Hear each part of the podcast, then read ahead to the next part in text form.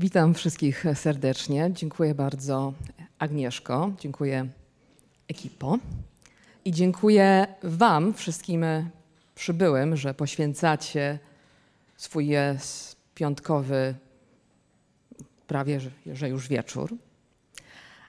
W kwestiach formalnych postaram się bardzo skończyć o, o czasie, ale gdyby ktoś musiał wyjść wcześniej, to się nie obrażę. W końcu jest piątek, może jesteśmy zmęczeni po całym tygodniu. I na początek, powoli się z Wami tutaj witając, powoli się zapoznając z tematem naszego dzisiejszego spotkania, chciałabym powiedzieć, o czym może mi się uda powiedzieć. Możliwe, że wszystkich elementów tutaj zaplanowanych nie, nie uwzględnię, czy do nich nie nawiążę, ale na pewno nawiążę do tych najważniejszych, podstawowych kwestii związanych z podejściem współczucia. Przede wszystkim chciałabym powiedzieć e, o tym, czym jest współczucie, czym też nie jest, bo wokół tego tematu jest wiele mitów, przekonań, często dość negatywnych przekonań. I też konkretniej jeszcze chciałabym opowiedzieć o pewnym szczególnym modelu w ramach podejścia współczucia, a mianowicie o terapii skoncentrowanej na współczuciu, e, czyli po angielsku Compassion Focus Therapy, jako że to jest właśnie to narzędzie, którym ja osobiście się zajmuję. E, też e, a propos jeszcze mitów, e, to niejako się z tym wiąże, chciałabym powiedzieć na sam początek o, o lękach czy blokadach przed, przed współczuciem. Też wspomnę o badaniach, które w coraz większej ilości pojawiają się na ten temat. Też jako, że pewnie część z Was nie jest tu bez powodu, a tym powodem może być uważność, więc też powiem, o różnicach, tak pokrótce przynajmniej, różnicach pomiędzy e, podejściem uważności a współczucia. I jeszcze taki kolejny, wydaje mi się, ważny element, o którym warto jest wspomnieć, o różnicach pomiędzy empatią a współczuciem. E, I oczywiście też, e, co, co może najważniejsze, żebyśmy wyszli z tego spotkania z czymś konkretnym, to chciałabym powiedzieć, jak my odblokowujemy to współczucie. Bo to nie jest tak, że tego współczucia nie mamy. Mamy, tylko czasami jest zablokowane. I tu bardzo intencjonalnie używam tego słowa. Ale zanim, to mam taką do Was dla Was taką propozycję, taką, takie zaproszenie. Oczywiście, jeżeli, jeżeli chcecie. Zaproszenie jest następujące. Jest piątkowe popołudnie, czy też prawie już piątkowy wieczór, ale jednak coś konkretnego Was tu przywiodło. Więc żebyśmy taki pierwszy z naszych tutaj eksperymentów uczynili, to poprosiłabym Was teraz o to, żebyście po prostu usiedli tak, jak jest Wam wygodnie, najwygodniej jak możecie. Można, można zrobić hałas, nie ma problemu, można się porozciągać. Żeby zadbać już na sam początek tego naszego dzisiejszego spotkania o nasze ciało, które może już jest trochę zmęczone, umysł jest trochę zmęczony. I jak już w miarę przynajmniej wygodnie usiedliście, to teraz zadajcie sobie pytanie, o intencję, która Was tutaj sprowadziła.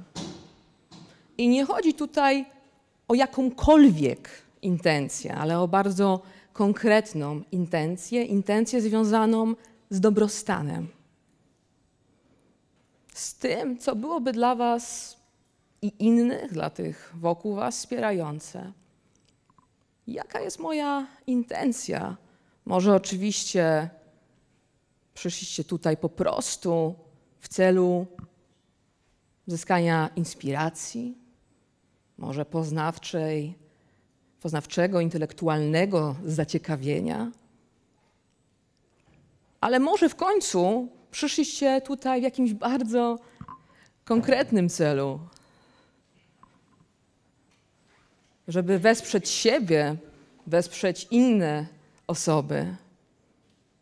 A zatem, żeby pozwolić sobie na to zwolnienie, którym właśnie tutaj dzisiaj będziemy się zajmować. Jaka jest moja intencja? Teraz, jak już siedzę w miarę wygodnie, jak czuję, a może nie czuję, jak, jak ma się moje ciało, co mnie tutaj sprowadza?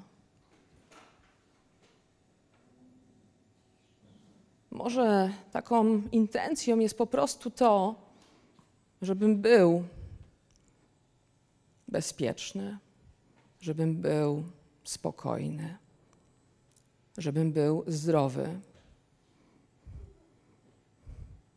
żeby moje życie pozbawione było trudności, żeby innych życia były spokojne, bezpieczne, zdrowe, pozbawione trudności.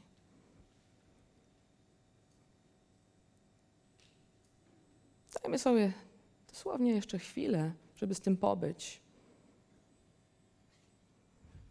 Nie musimy mieć jasnych odpowiedzi, ale żeby prostu dać sobie możliwość tej refleksji, tego zapytania.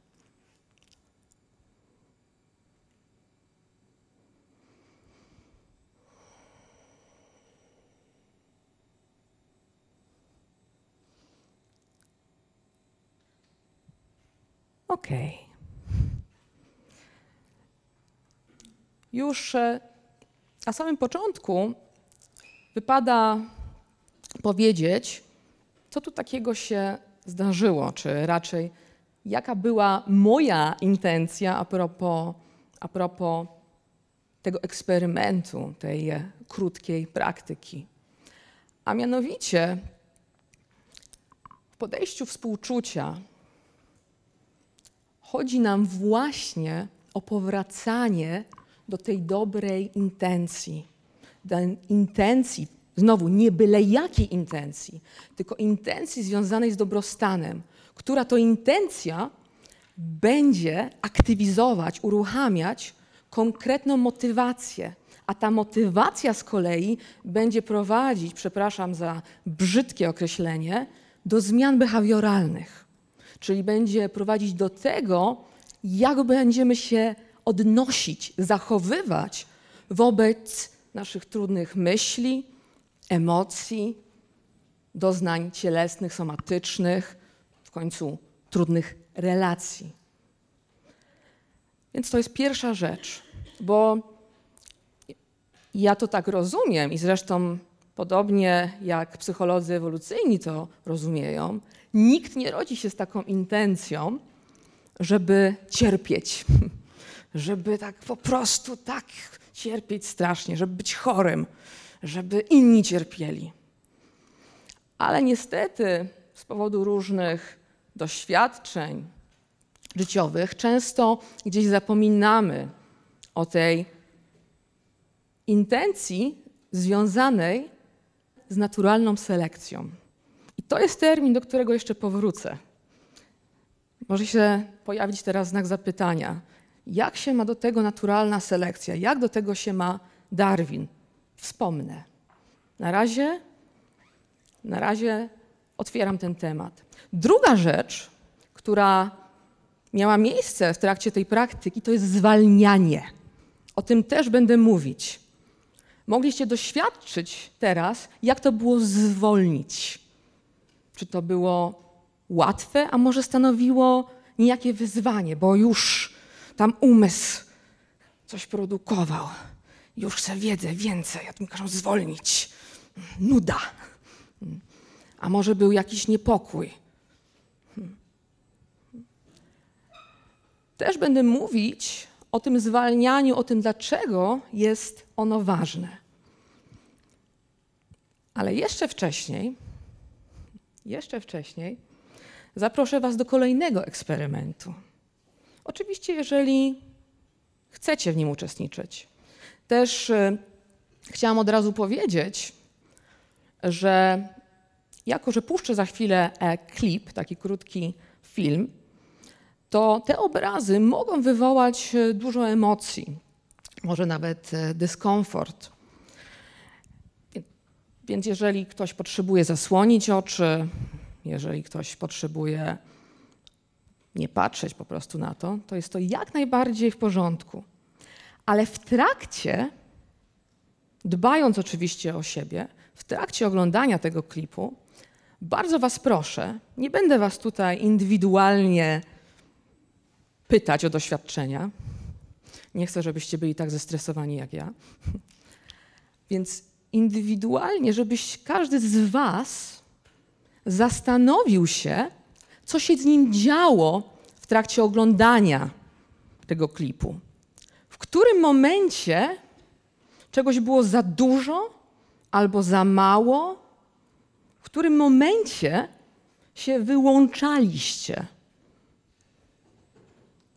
Okej, okay, to spróbujmy.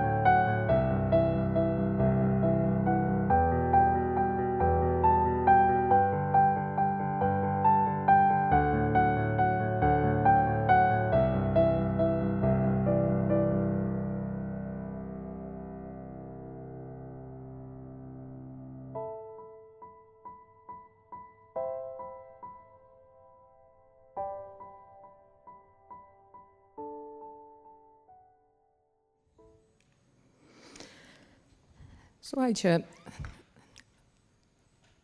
zanim e, powiemy sobie, czym jest współczucie, czym, czym nie jest, to warto jest wspomnieć e, o tym, e, że często istnieją pewne blokady czy też lęki przed współczuciem. Musimy zrozumieć, w jaki sposób włączamy i wyłączamy nasze, nasze współczucie. I jednym z takich czynników, które wyłączają nasze współczucie, to jest między innymi empatia. Jeszcze za chwilkę do tego wrócę, ale mówiąc o samych lękach od, przed współczuciem, to jest e, lista, którą teraz widzicie, tych lęków. To może być lęk przed tym, przykłady raczej tych lęków. Lęk przed tym, że ja komuś dam współczucie i ktoś to wykorzysta. Albo jeżeli ja przyjmę współczucie, to może to mnie osłabi, czyli to skojarzenie ze słabością, pobłażaniem sobie. Może tak było, że kiedyś czuliśmy się bezpiecznie, a ktoś to nadużył. Więc czucie się bezpiecznie które jest związane ze współczuciem, jest zagrażające. Niektóre rodzaje pozytywnych emocji mogą być zagrażające. Też e, oczywiście coś takiego, co może nas blokować, co może powodować ten, ten lęk, to jest e, myślenie, przekonanie, że krytyka, czyli taki wewnętrzny rodzaj zagrożenia, może być motywująca. Że ona mi, wspiera mnie w rozwoju że dzięki temu staje się lepszy. A poza tym, jak może teraz też zauważyliście w swoim własnym doświadczeniu, otwarcie się na trudności może uaktywniać uczucia smutku. A my nie chcemy się czuć smutni. Ok, więc te blokady.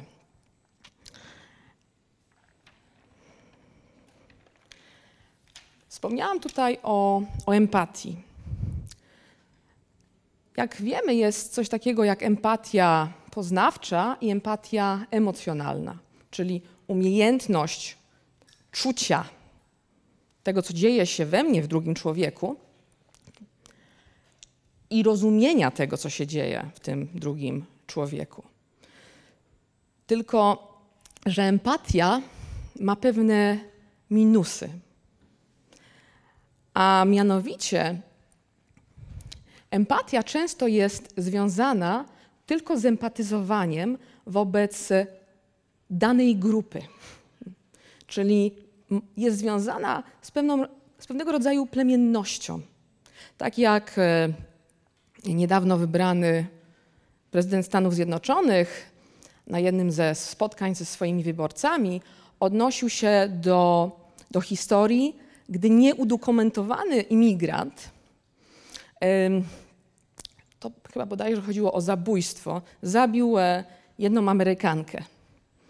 Czyli empatyzował z tą ofiarą, z jej rodzinami. Oczywiście osoby na wiecu empatyzowały też e, tak samo z tą ofiarą, z, e, z jej rodziną, ale nie było już empatii dalej. Nie było empatii oczywiście wobec sprawcy, ale też nie było empatii wobec tych nieudokumentowanych imigrantów, a też są takie historie udokumentowane, którzy wspierali Amerykanów. I też a propos empatii. Empatia powoduje, tu wspominałam o smutku, aktywizuje negatywny afekt, czyli na przykład uczucie smutku. I empatia, też mamy takie badania, też powiemy sobie trochę o, o tych badaniach. E, empatia powstrzymuje nas e, w, w altruistycznych zachowaniach, w pomaganiu innych, blokuje. No bo jeżeli ja tak dużo czuję, to jest takie trudne, jest mi tak smutno, to już nie, nie jestem w stanie, nie mam siły żeby cokolwiek zadziałać. Dlatego często to najbardziej empatyczne osoby najszybciej się wypalają. Wszyscy znamy takie historie. Empatia, słuchajcie, też mnie nie, tutaj nie, nie zrozumcie mnie źle. Ja oczywiście jak najbardziej jestem za empatią, bo ona nam pomaga w dobrych interakcjach społecznych, ale też mówię o tych elementach, które, które są zagrażające. Czyli empatia wcale, wcale nie musi być zawsze dobra. Natomiast współczucie jest czymś zupełnie, zupełnie innym. I tutaj jest takie badanie, też na początku, odnosząc się już do różnic pomiędzy e, współczuciem a empatią. To jest badanie Olgi Klimecki z Instytutu Maxa Plancka w Niemczech. E, I tam były dwie grupy uczestników. Jedna grupa uczestników była przydzielona do treningu empatii, a druga grupa uczestników była przydzielona do treningu współczucia. Była też grupa kontrolna, to było związane ze wspieraniem pamięci. Trenowali e, pamięć po prostu w tej, w tej grupie kontrolnej. I, I, to badanie polegało na tym, e, że te wszystkie grupy oglądały tak trochę, jak my tutaj to robiliśmy, e, filmy, klipy, z, gdzie osoby w tych filmach były w jakimś, jakiejś trudnej sytuacji, no, były w cierpieniu. I co się okazywało? Oczywiście okazywało się, że był we wszystkich grupach negatywny afekt, o którym wspominałam. Czyli te miejsca w mózgu, bo to było badanie fMRI, e, badanie mózgu, te miejsca odpowiadające za, za negatywny afekt były aktywizowane, już nie, nie wchodząc bardziej w szczegóły. Ale co się okazywało? Że w przypadku treningu współczucia po jakimś czasie nie tylko, że ten afekt był dalej znoszony, ale pojawiał się afekt pozytywny, czyli tak zwane pozytywne uczucia. Takie uczucia jak, jak troska, jak chęć pomocy. To też się przekładało na chęć, na chęć pomocy. I w dalszym ciągu te osoby były eksponowane na te filmy, czyli nie zabieraliśmy wcale tej ekspozycji cierpienia. Czyli to jest, to jest ta różnica. Tu też były jeszcze inne badania. Jak ktoś jest zainteresowany, to w ogóle po, bardzo polecam e, e, Olgę Klimecki i, i Tanię Zinger. One cały cykl takich tych badań, e, tych badań przeprowadziły. Ale jeszcze chciałabym was, wam, jeszcze wam chciałam pokazać właśnie jak to w mózgu, jak to w mózgu wyglądało. Więc tutaj już widać, że były różnice, e, że, że inaczej, inaczej uczestnicy te, tych, tych treningów się czuli. No właśnie, ale tak mówię o tych różnicach, współczucie, empatia. Ale po co w sumie o tym mówię dzisiaj? Dlaczego potrzebujemy współczucia? No jak widać, życie jest trudne, nawet dla wiewiórki. I mamy różne metody radzenia sobie z tym. Nie wszystkie są współczujące. Słuchajcie, to nie jest tak, że podejście współczucia to jest jakiś negatywizm, defetyzm, że my teraz celebrujemy cierpienie. Ale cierpienie jest faktem życia. Tu mamy taką klasyfikację, taksonomię cierpienia, nie obawiajcie się, że to jakiś buddyzm, tylko wydaje mi się, że ta klasyfikacja jest e, tutaj pomocna, może być nam pomocna. Czyli już sam fakt narodzin jest, e, jest trudny. Dla tego dziecka było tak mi przyjemnie w tym, w tym brzuszku, cieplutko, nagle mi tutaj wyciągają. Dla tej matki rodzącej, no, może dla tego taty też, zwłaszcza jak uczestniczy w porodzie i widzi, co, co ta kobieta robi. Ból ciała, ból umysłu, ból zmiany. I potrzebujemy współczucia, bo jest tyle tego cierpienia, które niezależnie od tego, co byśmy zrobili, dalej, dalej będzie mieć miejsce. Niezależnie od tego, na ile takich wykładów byśmy jeszcze poszli, w ilu treningach psychologicznych byśmy nie uczestniczyli, ilu byśmy mieli partnerów i tak dalej, i tak dalej. Ale jeszcze kilka słów o tym, czym nie jest y, współczucie. Tutaj możecie sami się zastanowić, jakie macie skojarzenia. Jak, y, jak słyszeliście pierwszy raz o tym wykładzie, to co pomyśleliście? Wspomniałam tutaj o, o litości, o takim pobłażaniu, pobłażaniu sobie. Też y, czasami myślimy, że współczucie to jest zawsze zgadzanie się na wszystko zawsze mówienie tak. Nie. Współczucie czasami może być mówieniem nie. To tak jak dobry rodzic. I to nie bez powodu używam tego przykładu. Dobry rodzic czasami, bo ma tą mądrość, mówi swojemu dziecku nie. Tutaj na, na obrazku jest niejaki Herbert Spencer, e, który zresztą urodził się tam, gdzie obecnie mieszkam, w Derby. Znacie takie powiedzenie przetrwanie najsilniejszych, czy najsprawniejszych, w zależności od tłumaczenia? Survival of the fittest. To właśnie był Herbert Spencer. To nie był Darwin.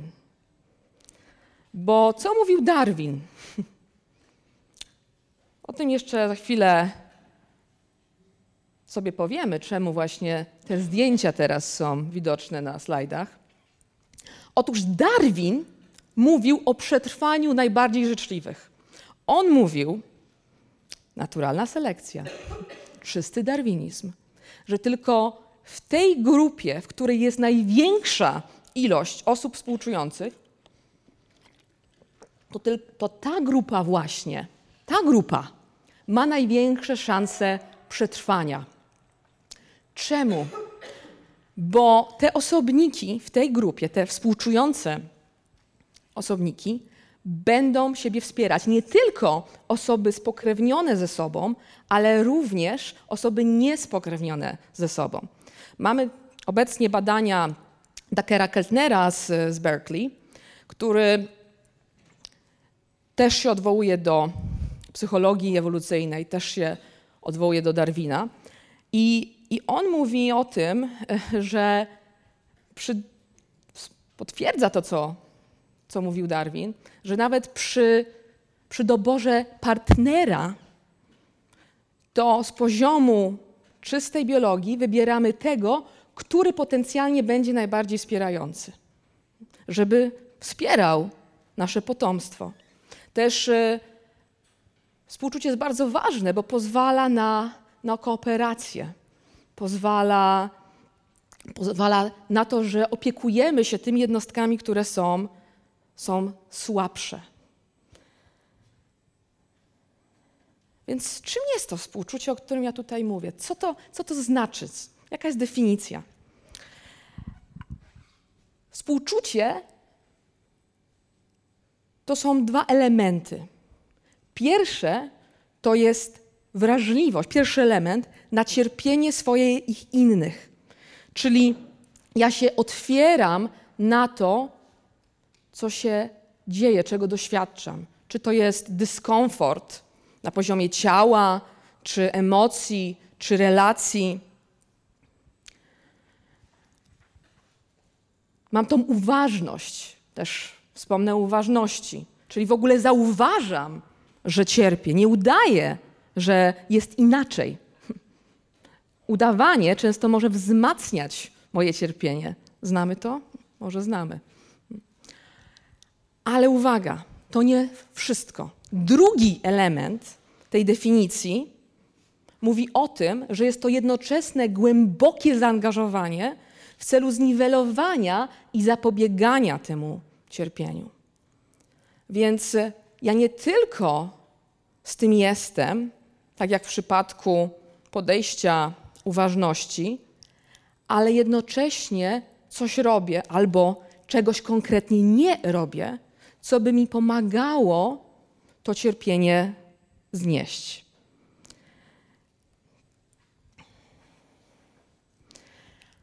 I jeżeli tutaj e, na sali są terapeuci, to ja rozumiem, że wszystkie terapie i wszyscy terapeuci wierzą, że terapia powinna być e, prowadzona w sposób e, właśnie współczujący. Tak jak mówił między innymi Carl Rogers, z szacunkiem, generalnie życzliwy dla ludzi. Ale teraz pytanie, jak my to możemy, jak my możemy to w ogóle zrobić i jak w ogóle możemy tego doświadczać? Tu jeszcze wypadałoby powiedzieć w ogóle o kierunkach współczucia.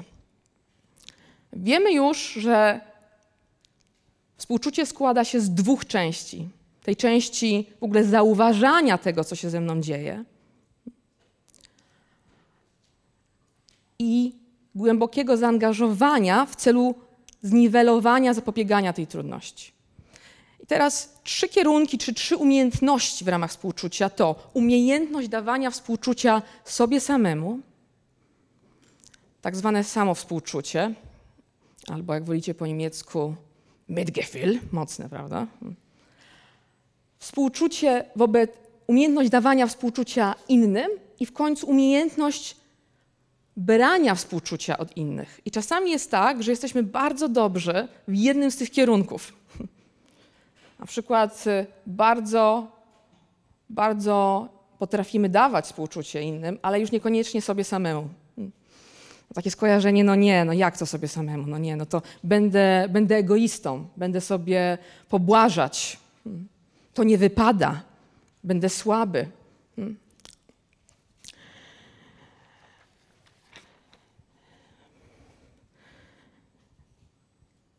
Więc y, mm, też współczucie pozwala nam być z tą trudnością, która pojawia się w naszym życiu i pozwala na mądry wybór, mądre zachowanie w celu, w celu, w obliczu tego cierpienia i w celu zniwelowania tego cierpienia. Zwracamy się w kierunku te, tego cierpienia, zamiast udawać, że nic się nie dzieje pozwalamy sobie być dotkniętym przez ten ból, ale ten ból nas nie zabija. To jest ta różnica, raz jeszcze zaznaczę, pomiędzy współczuciem a empatią. Bo jest, może być na początku negatywny afekt, i tak jest w praktykach współczucia zresztą, że na początku na przykład czujemy smutek, gdy otwieramy się na, swoje emocje, może pojawią się jakieś wspomnienia, ale później co się dzieje? Powtórzę pedagogicznie. Pojawia się pozytywny afekt i znika ten negatywny afekt. Ba, przenosi się to na konkretne zachowania, czyli co? Altruizm. Intencja, motywacja, zmiana, zachowanie, odpowiednie podejście. I też y, czemu my, czemu my wiemy, że Darwin miał rację, że w ogóle to ma sens? No więc y, badania pokazują, że współczucie koreluje z szeregiem pozytywnych zmian i też pomaga w szeregu trudnych sytuacji. Tutaj macie listę tych badań. Wiemy na przykład, że konkretne praktyki i programy pomagają w leczeniu depresji, lęku, w zaburzeniach odżywiania, nadużywania, czy to alkoholu, czy, czy czegokolwiek innego. Ok, widzimy jakąś korelację. Hmm. Zmniejsza się negatywny afekt, zwiększa się pozytywny afekt, jest mniej, jest mniej e, ruminacji, czyli tego ciągłego odnoszenia się do tego, co trudne, więcej optymizmu, ciekawości i znowu wcale źródło cierpienia nie musi znikać, tak jak w badaniu Olgi Klimecki i Tani Singer. Dalej może mieć miejsce. Też, y, też mamy badania nad konkretnymi praktykami, gdzie wiemy, że to nie tylko są zmiany w poczuciu, które badamy najczęściej poprzez różnego rodzaju kwestionariusze, ale również te praktyki powodują zmiany na poziomie elastyczności funkcjonalnej w mózgu, tutaj na przykład w, w korze czołowej, i także w zachowaniu. Także to się przenosi na system odpornościowy. Też o systemie odpornościowym opowiem, bo zwłaszcza podejście, którym ja się zajmuję, czyli terapia skoncentrowana na współczuciu, w dużej mierze odnosi się do psychologii ewolucyjnej i do fizjologii. Bo to, czym ja się zajmuję, to jest kolejny slajd. Jak współczucie może pomagać w przypadku przypadku nowotworów, czy pacjentom z nowotworami. Więc y, też mamy takie badania. Oczywiście tutaj to wymagałoby replikacji. Jak nie ma replikacji, to nie możemy niczego potwierdzić w nauce. Ale już y, wstępnie wiemy, że pomaga pacjentom, tutaj na przykład pacjentkom z nowotworem piersi, zmniejsza znowu ten negatywny afekt, czyli depresję, lęk. E, no i tutaj pytanie, czy też może zwiększyć odporność immunologiczną? E, czy może, czy może wpływać na fizjologiczne systemy stresu, e, które oczywiście no tutaj się przekładają na nasze zdrowie i na to, jakie będą wyniki choroby. I wstępnie wiemy już, że tak. Na przykład to, co ja badam, to jest zmienność rytmu zatokowego, e, bo, bo też e, zmienność rytmu zatokowego jest jednym z czynników, które pokazują nam, jaki mamy poziom współczucia. Tutaj kolejny znak zapytania, o co mi chodzi, do tego jeszcze dojdę. Tu w ramach jeszcze takiej, e, takiego porządku Jakie są programy? Więc tych programów już trochę jest na świecie, jeżeli chodzi o współczucie. Niektóre są w formie treningowej, jak na przykład Compassion Cultivation Training, czy, czy Mindful Self-Compassion, e, trening uważnego współczucia. E, niektóre właśnie w formie bardziej terapeutycznej, czyli w terapii, Compassion Focus Therapy, terapia skoncentrowana na współczuciu. To jest e, terapia, która wchodzi w w tak zwaną trzecią terapię, trzecią, w trzecią falę terapii poznawczo-behawioralnej. Ta trzecia fala dla porządku terapii poznawczo-behawioralnej, jeżeli ktoś się tym nie zajmuje, to jest e, taka fala, która skupia się na, na akceptacji i na uważności w dużej mierze. I do tego zaraz dojdę, posłuchajcie, to jest bardzo wszystko ciekawe, ale chciałabym, opowiedzieć właśnie o tym, o tym moim modelu. To jest e, mój e, znajomy, ukochany, profesor Paul Gilbert. Jak widać, bardzo sympatyczny człowiek. I e, jak to się stało w ogóle, że Paul, Paul stwierdził, że współczucie jest potrzebne w terapii? Paul jest terapeutą poznawczo-behawioralnym, jest też psychologiem ewolucyjnym. Był też, powiem dla ciekawostki, byłym prezesem Brytyjskiego Towarzystwa Poznawczo-Behawioralnego. I Paul zauważył, że no, ta terapia pomaga jego pacjentom, ta standardowa terapia poznawczo-behawioralna, w takim sensie, że pacjenci jego klienci są w stanie zauważyć, że jakieś myśli są irracjonalne. Tylko, że tego nie czują. Czyli no ja widzę, że ta myśl o tym, że ja jestem beznadziejny, to ta myśl jest y, bez sensu, ale ja tego nie czuję, bo ja dalej czuję się jak idiota. Ja dalej się czuję źle. Więc jak połączyć część poznawczą z afektem, z uczuciem?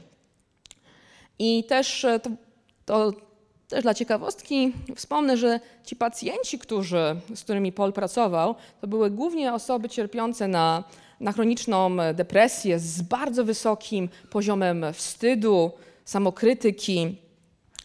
Oni się po prostu nie mieścili w standardowych terapiach. Czyli, tak jak to jest na tym slajdzie napisane, widzę w tym logikę, ale to mi nie pomaga. Nie czuję tego. I terapia, e, terapia CFT, Compassion Focus Therapy, ona pożycza z wielu, z wielu rodzajów psychologii. Psychologii ewolucyjnej, już wspominanej tu wielokrotnie, rozwojowej, społecznej. I także korzysta właśnie z podejść kontemplacyjnych. E, takich podejść, które będą zmniejszać wspomniane tutaj wielokrotnie już cierpienie. I a propos też emocji chciałam powiedzieć kilka, kilka kwestii.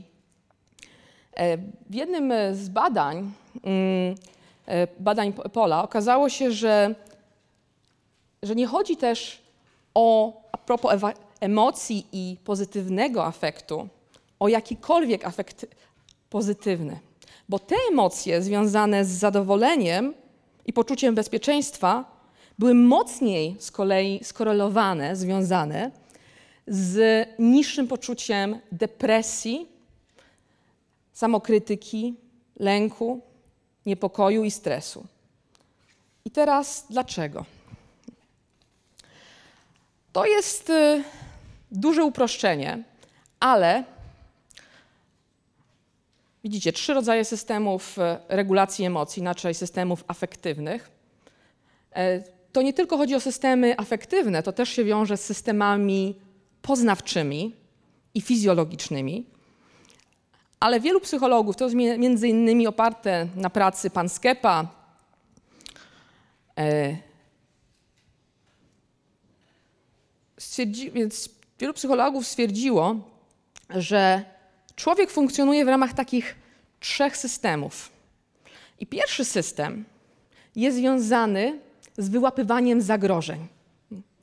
I teraz to mogą być zagrożenia płynące z zewnątrz. W dzisiejszych czasach raczej nie tygrys, ale e-mail albo deadline, linie śmierci. Prawda? Mogą też to być zagrożenia płynące od wewnątrz, czyli samokrytyka. To jest e, zagrożenie, to jest coś, co powoduje we mnie aktywizację systemu stresu, tak zwaną odpowiedź stresową, aktywizuje, uruchamia mi system, tą część układu nerwowego nazywanym sympatycznym. I jak jestem w tym stanie, to oczywiście w taki, a nie inny sposób funkcjonuje moje ciało. Teraz możecie każdy z Was się zapytać, jak się czuję, począwszy od ciała, gdy czuję zagrożenie, gdy jest potrzeba ochrony siebie albo innych. Co się dzieje z moją uwagą? Czyli ta część poznawcza. Wiemy, że jeżeli jest aktywizowany, jest aktywizowana odpowiedź tak zwana stresowa, to jednocześnie te wyższe procesy poznawcze się obniżają, ich poziom, jakość. Czyli na przykład mentalizacja, umiejętność odczytywania swoich emocji i innych osób. Nie ma takiej wtedy możliwości albo jest mocno zmniejszona. Też e, czysto już poznawczo je, moja uwaga jest zawężona, bo jestem bardzo skupiony, tak jak teraz ja, bardzo skupiony czy skupiona na tym, żeby wyzbyć się tego zagrożenia, żeby się ochronić. I też a propos fizjologii. Tutaj w związku z tym uruchamiamy odpowiednie hormony. No, tutaj przede wszystkim kortyzol. Jak jest dużo samokrytyki, albo jak jestem chory, to jest właśnie ten system. Cały czas wtedy jestem w tym systemie. Drugi system to też jest system związany z robieniem. To jest system, w którym do czegoś dążę, chcę coś zdobyć. Tutaj już nie ma zagrożenia. Ja mogę mieć wręcz takie przyjemne poczucie doenergetyzowania. Kolejny projekt. Mogę coś fajnego zrobić na kolację. No, no, takie proste rzeczy też mogą być.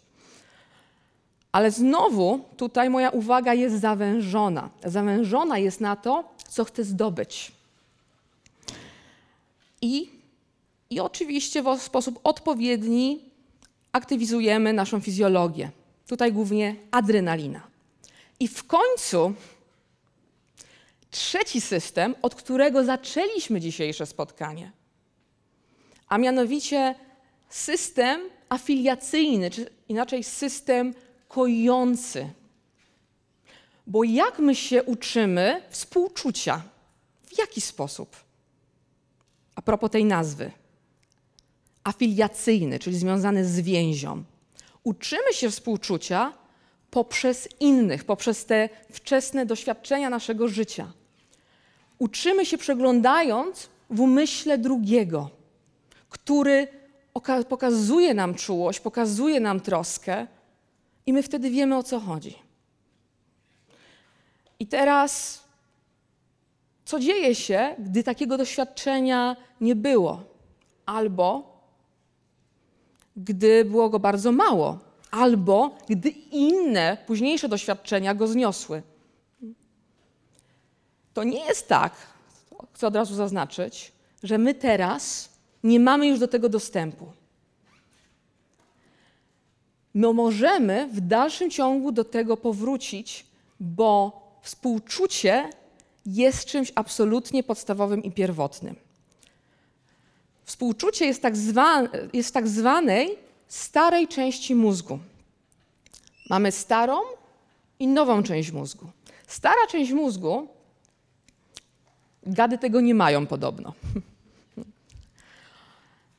Ssaki to mają, czyli związana jest z takimi bardzo podstawowymi e, potrzebami.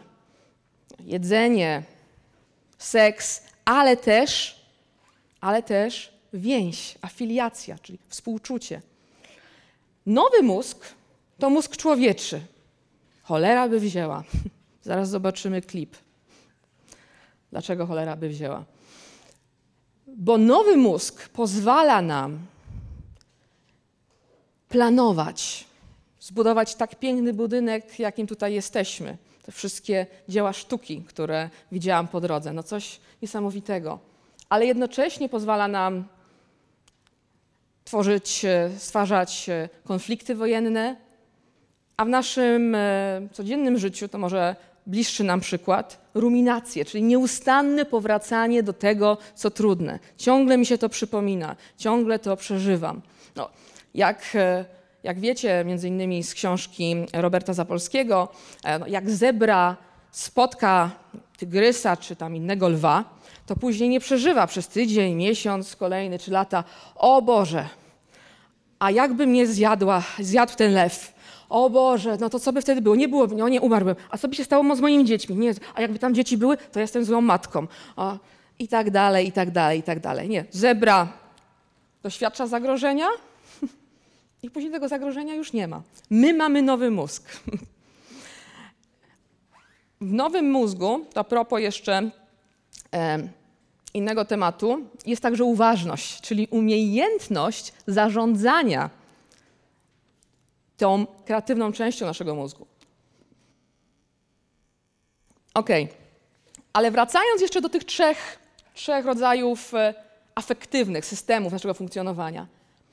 Żebyście zapamiętali, jeżeli macie z czymkolwiek tutaj wyjść, to z taką refleksją Jak na co dzień funkcjonujecie?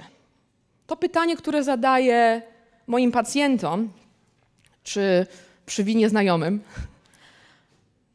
Jak procentowo mielibyście określić, które systemy są najbardziej aktywne, najwięcej miejsca zajmują w waszym życiu? I też kolejne pytanie z tym związane: które sytuacje, które relacje, które nawet miejsca aktywizują te poszczególne systemy? I ten trzeci system to jest system, który my szczególnie kult, od, przepraszam, odblokowujemy. Odblokowujemy w praktyce współczucia. Tym samym też e, uruchamiamy odpowiednie hormony, między innymi oksytocynę, czyli ten e, hormon miłości czasami zwany, tak jak kortyzol, hormon stresu. Też to mówiąc e, wszystko o tych poszczególnych systemach, absolutnie nie chodzi mi o to, żeby któryś z tych systemów wyeliminować. Skądinąd wiemy, że jeżeli jest za dużo oksytocyny, to też niezbyt dobrze, bo wtedy nie mamy motywacji do, do działania w ogóle, nie zauważamy, nie zauważamy zagrożeń. Więc chodzi o zrównoważenie tych wszystkich trzech systemów. I w tym trzecim systemie inaczej funkcjonujemy też na poziomie poznawczym. Uwaga jest rozszerzona. Jesteśmy rozszerzeni, jest mentalizacja, czyli ja wiem, co dzieje się we mnie i w tobie. Jest zainteresowanie na drugiego człowieka. Tak jak robiliśmy to na początku naszego spotkania dzisiaj, robimy to taki sposób, że zwalniamy metaforycznie i literalnie nasze ciało. Jeżeli jesteśmy nieustannie w tych dwóch pierwszych systemach, to jak nagle teraz mielibyśmy zwolnić, to co może się zadziać? Mogą się na przykład pojawić trudne emocje, może trudne wspomnienia. I właśnie dlatego praktyka uważności jest e, czasami tak, e, tak wymagająca, bo nagle ktoś e, sugeruje mi, żebym usiadł, usiadła, zobaczyła, co dzieje się w moim ciele, i ja zwalniam. No, zwalniam, ale wtedy wychodzą te różne emocje. Może właśnie wtedy aktywizuje mi się ten tryb związany z zagrożeniem, bo teraz jest przestrzeń, żeby tego doświadczyć. Więc jeżeli my nie otworzymy, jeżeli otworzymy się na to bez życzliwości, to to doświadczenie może nas przerosnąć.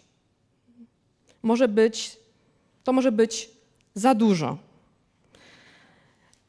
Więc uważność otwiera nas na różne doświadczenia, ale tym bardziej jest ważne kierowanie uwagi na życzliwość, na współczucie.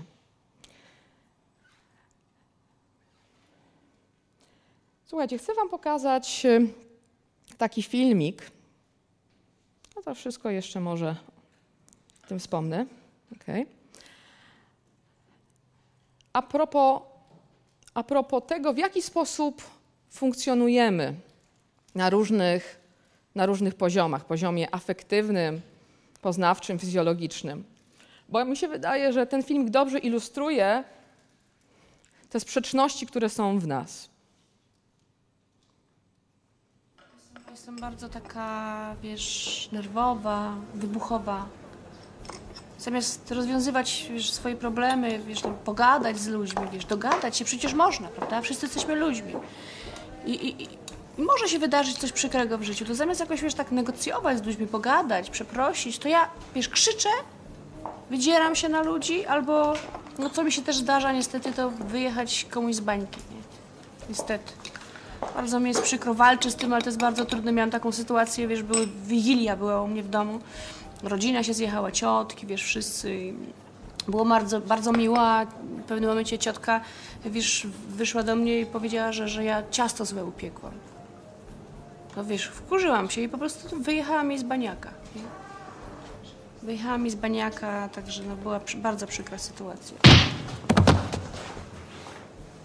Także wiesz, no nie, nie wiem jak to się dzieje. Jak, jak ja to robię, że, że, że, że nie panuję nad tym, rozumiesz? Że nie panuję nad tym.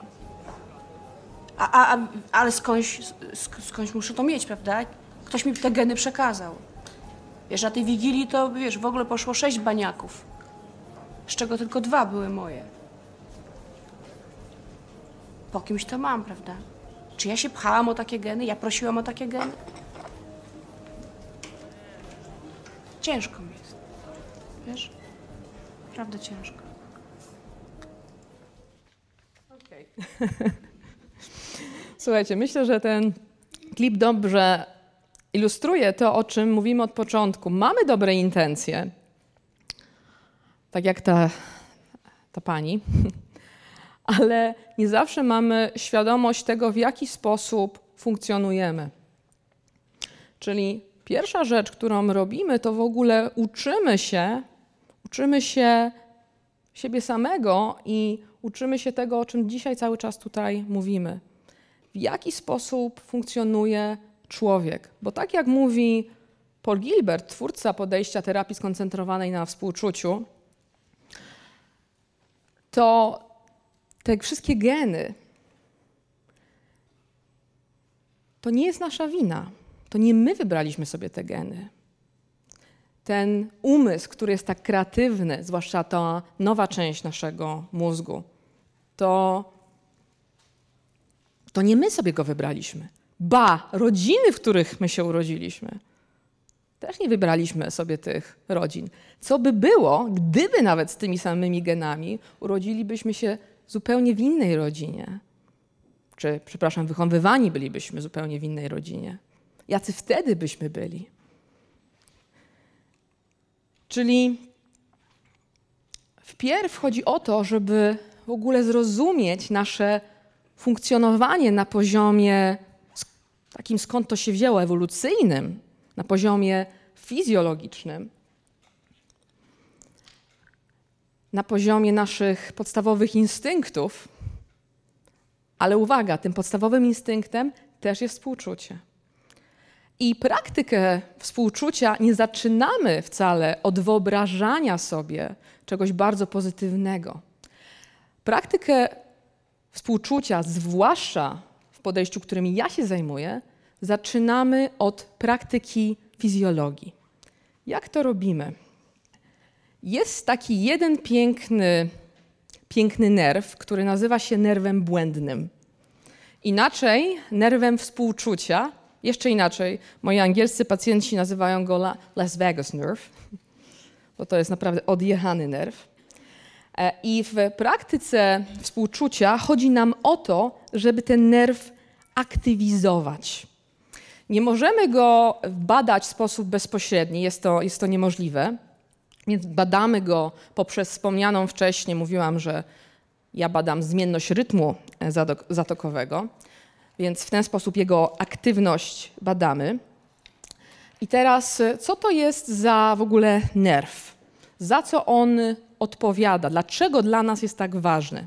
Bo otóż ten nerw błędny, czy nerw wędrowniczy, jak vagus nerve po angielsku, wędrujący, bo on wędruje po całym ciele, to on odpowiada za kontrolę, kontroluje system parasympatyczny, współczulny po polsku, czyli tą część układu nerwowego, która odpowiada za uruchamianie odpowiedzi relaksacyjnej.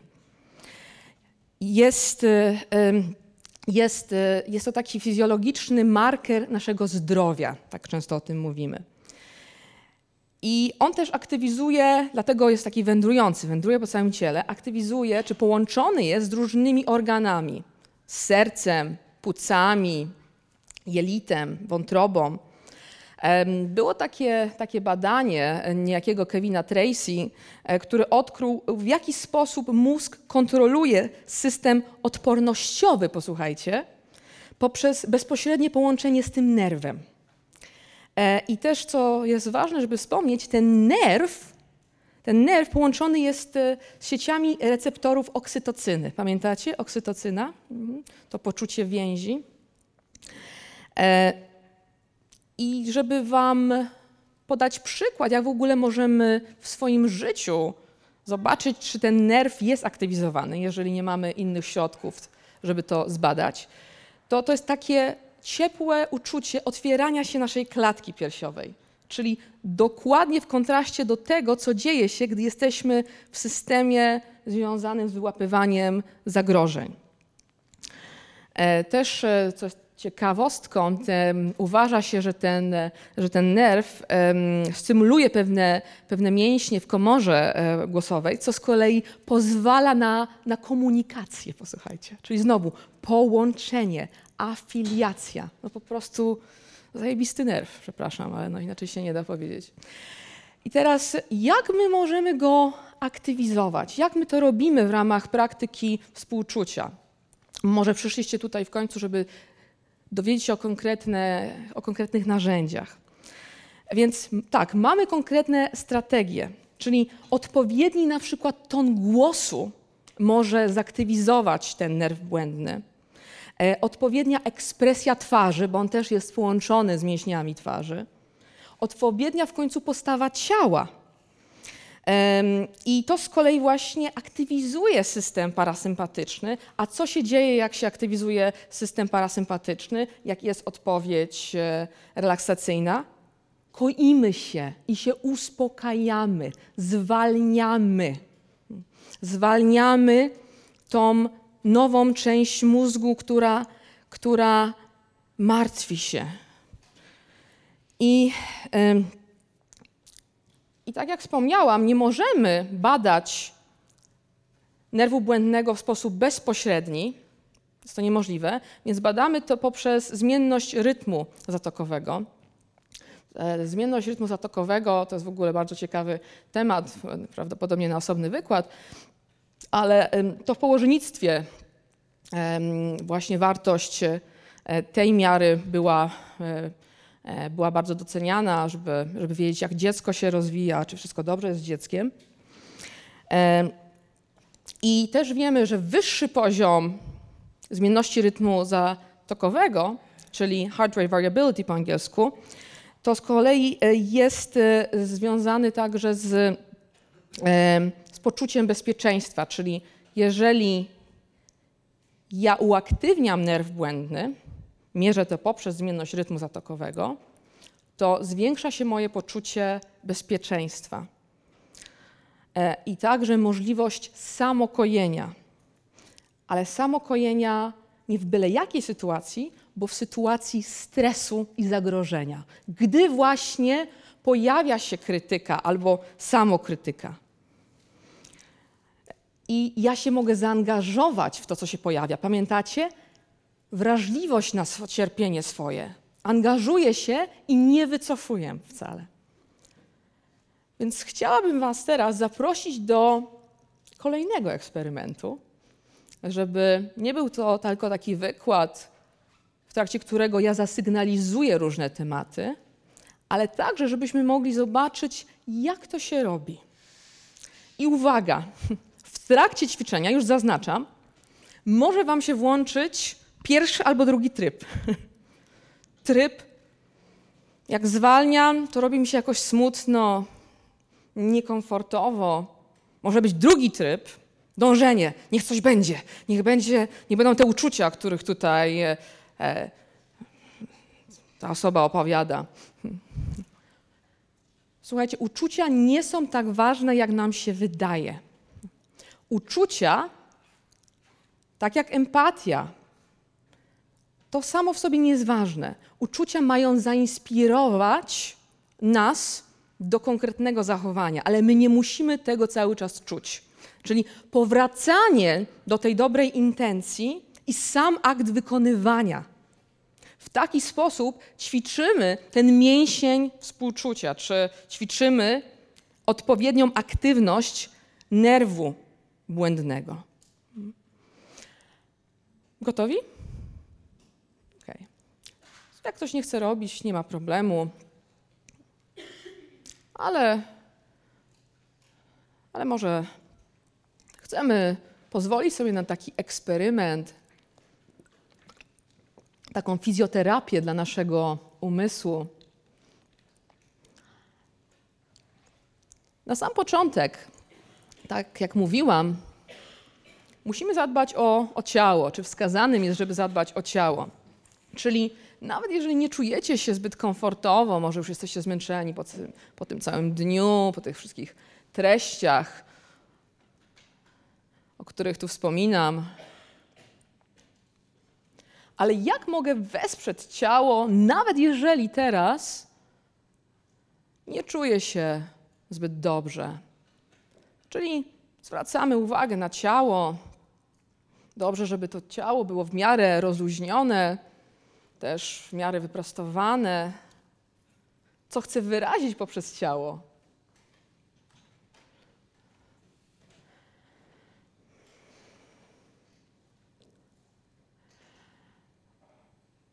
I na sam początek, jeżeli już udało mi się usiąść w miarę komfortowo, to mogę mieć oczy zamknięte lub otwarte, też wedle preferencji, potrzeby.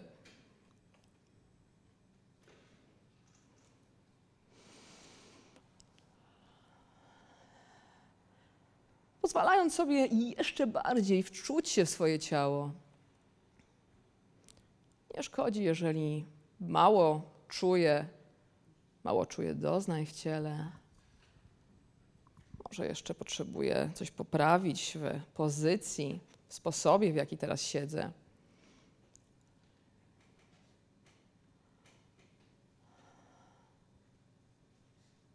Pozwalam sobie na zwolnienie.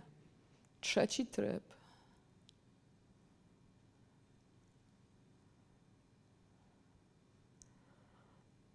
też na początek jeszcze mogę zobaczyć, jak zachowuje się mój oddech.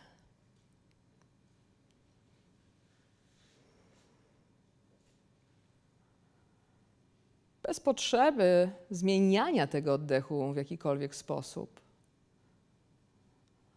Może on jest bardzo płytki, może oddycham w sposób bardzo szybki.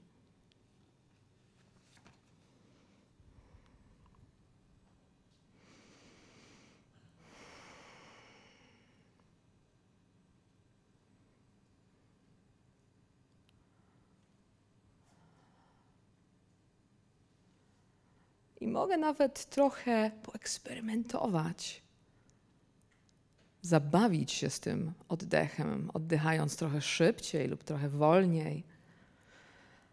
Tyle oczywiście, na ile jest to dla mnie w porządku. Trochę głębiej, trochę szybciej.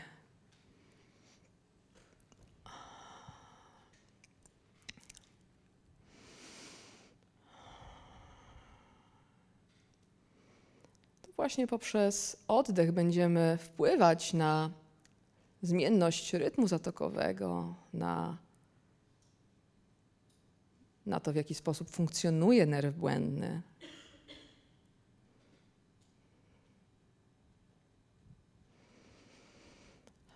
Uwaga, może co chwilę uciekać. Nowa część mózgu, pojawią się myśli, oceny krytyka siebie, krytyka innych osób. Zauważam i powracam.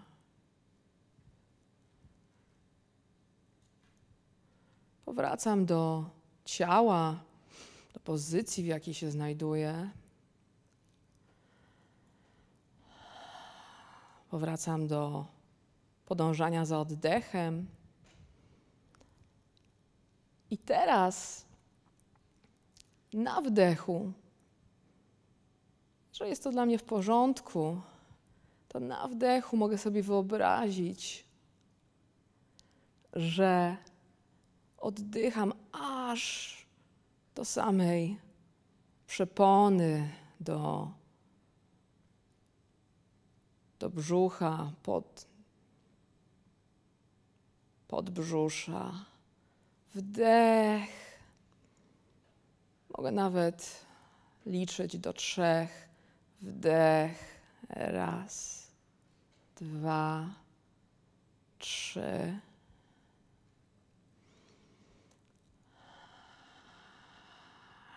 I wydech do góry.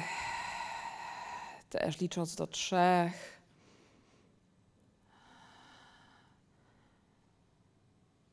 Wdech.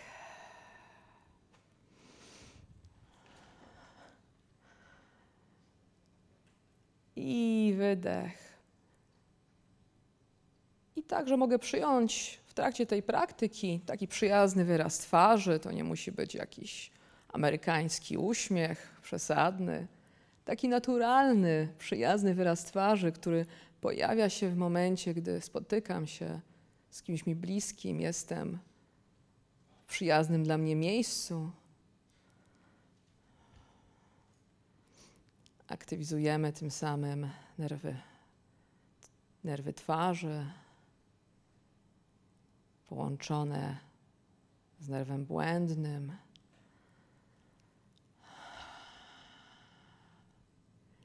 Wdech. Mogę sobie nawet wyobrazić, jak moja klatka piersiowa w całości wypełnia się powietrzem. Do dołu, do samego dołu, w kierunku przepony, do podbrzusza. I wydech.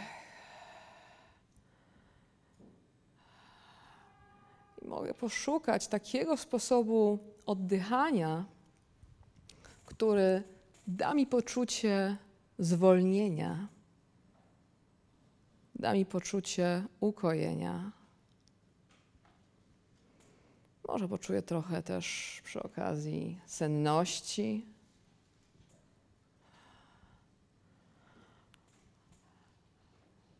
Będzie ziewanie.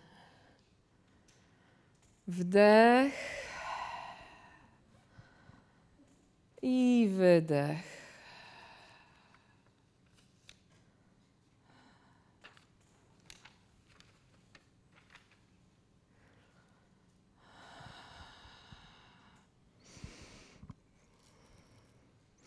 Wdech i wydech.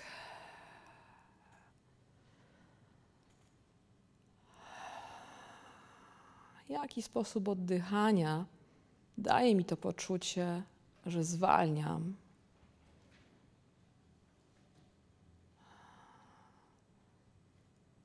Że mam poczucie ukojenia i uspokojenia.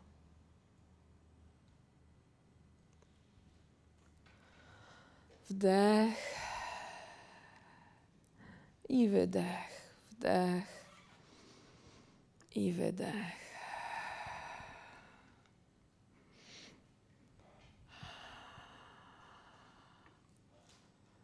Co się pojawia, co się dzieje we mnie, w ciele, w moich myślach?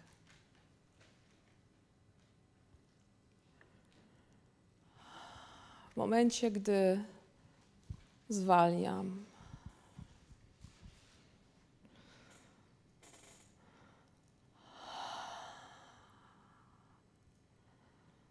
Do dołu oddycham. I wydech do góry. Mogę sobie to wyobrazić wręcz.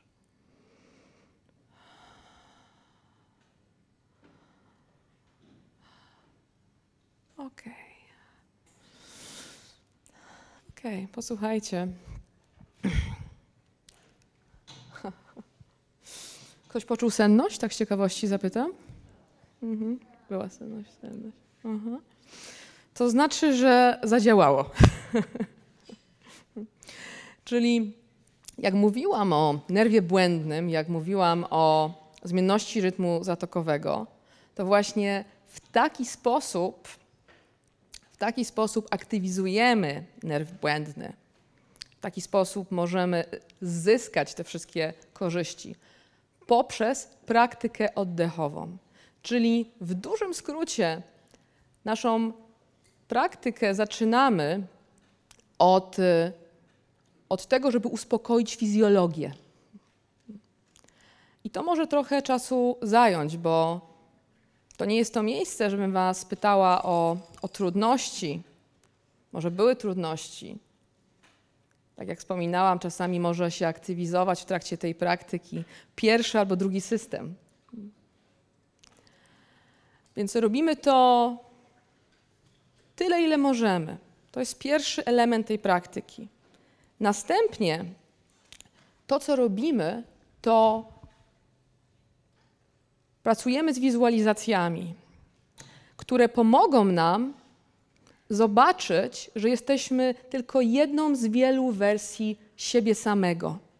Mówiłam Wam o tym, że te geny, te nasze mózgi niesforne, te ciała, które też często nam tyle cierpienia powodują, te rodziny, których sobie przecież nie wybraliśmy.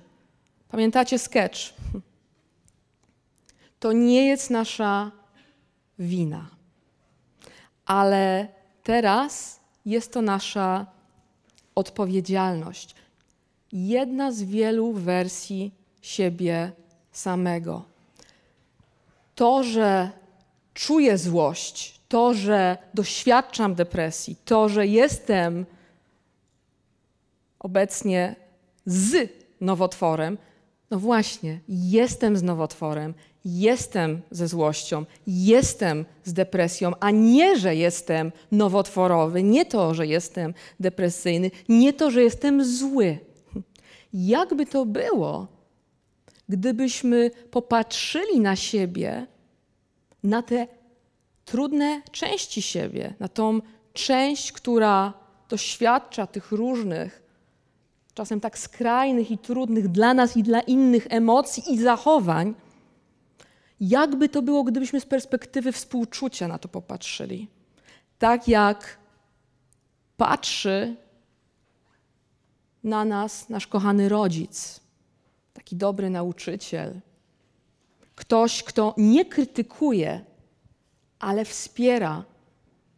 Co jest pomocne, gdy doświadczam trudności? Co naprawdę mi pomaga? Ta druga część definicji współczucia głębokie zaangażowanie w celu zniwelowania i zapobiegania temu cierpienia, cierpieniu. Ewolucja sprawiła, posłuchajcie, że jesteśmy głęboko wrażliwi na życzliwość od innych. A z kolei neuronauka pokazuje, że istnieją konkretne rejony mózgu skupione na wyłapywaniu i odpowiadaniu na tą życzliwość. I teraz od nas zależy, co my z tym zrobimy, z tą wiedzą, po którą dzisiaj przyszliśmy. Na czym chcemy się skupić, na której wersji i na której części siebie, którą część chcemy odblokowywać. Więc zaczęliśmy od pytania: jaka jest moja intencja? I też z tym pytaniem chciałabym Was zostawić. Co z tego, co usłyszeliście, w jakikolwiek sposób Was poruszyło osobiście, zawodowo?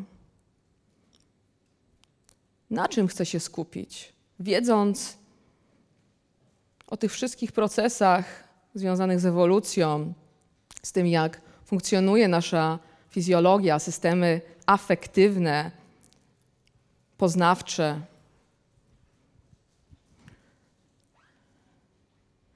Pamiętając, że to nie jest nasza wina, ale jest to nasza odpowiedzialność.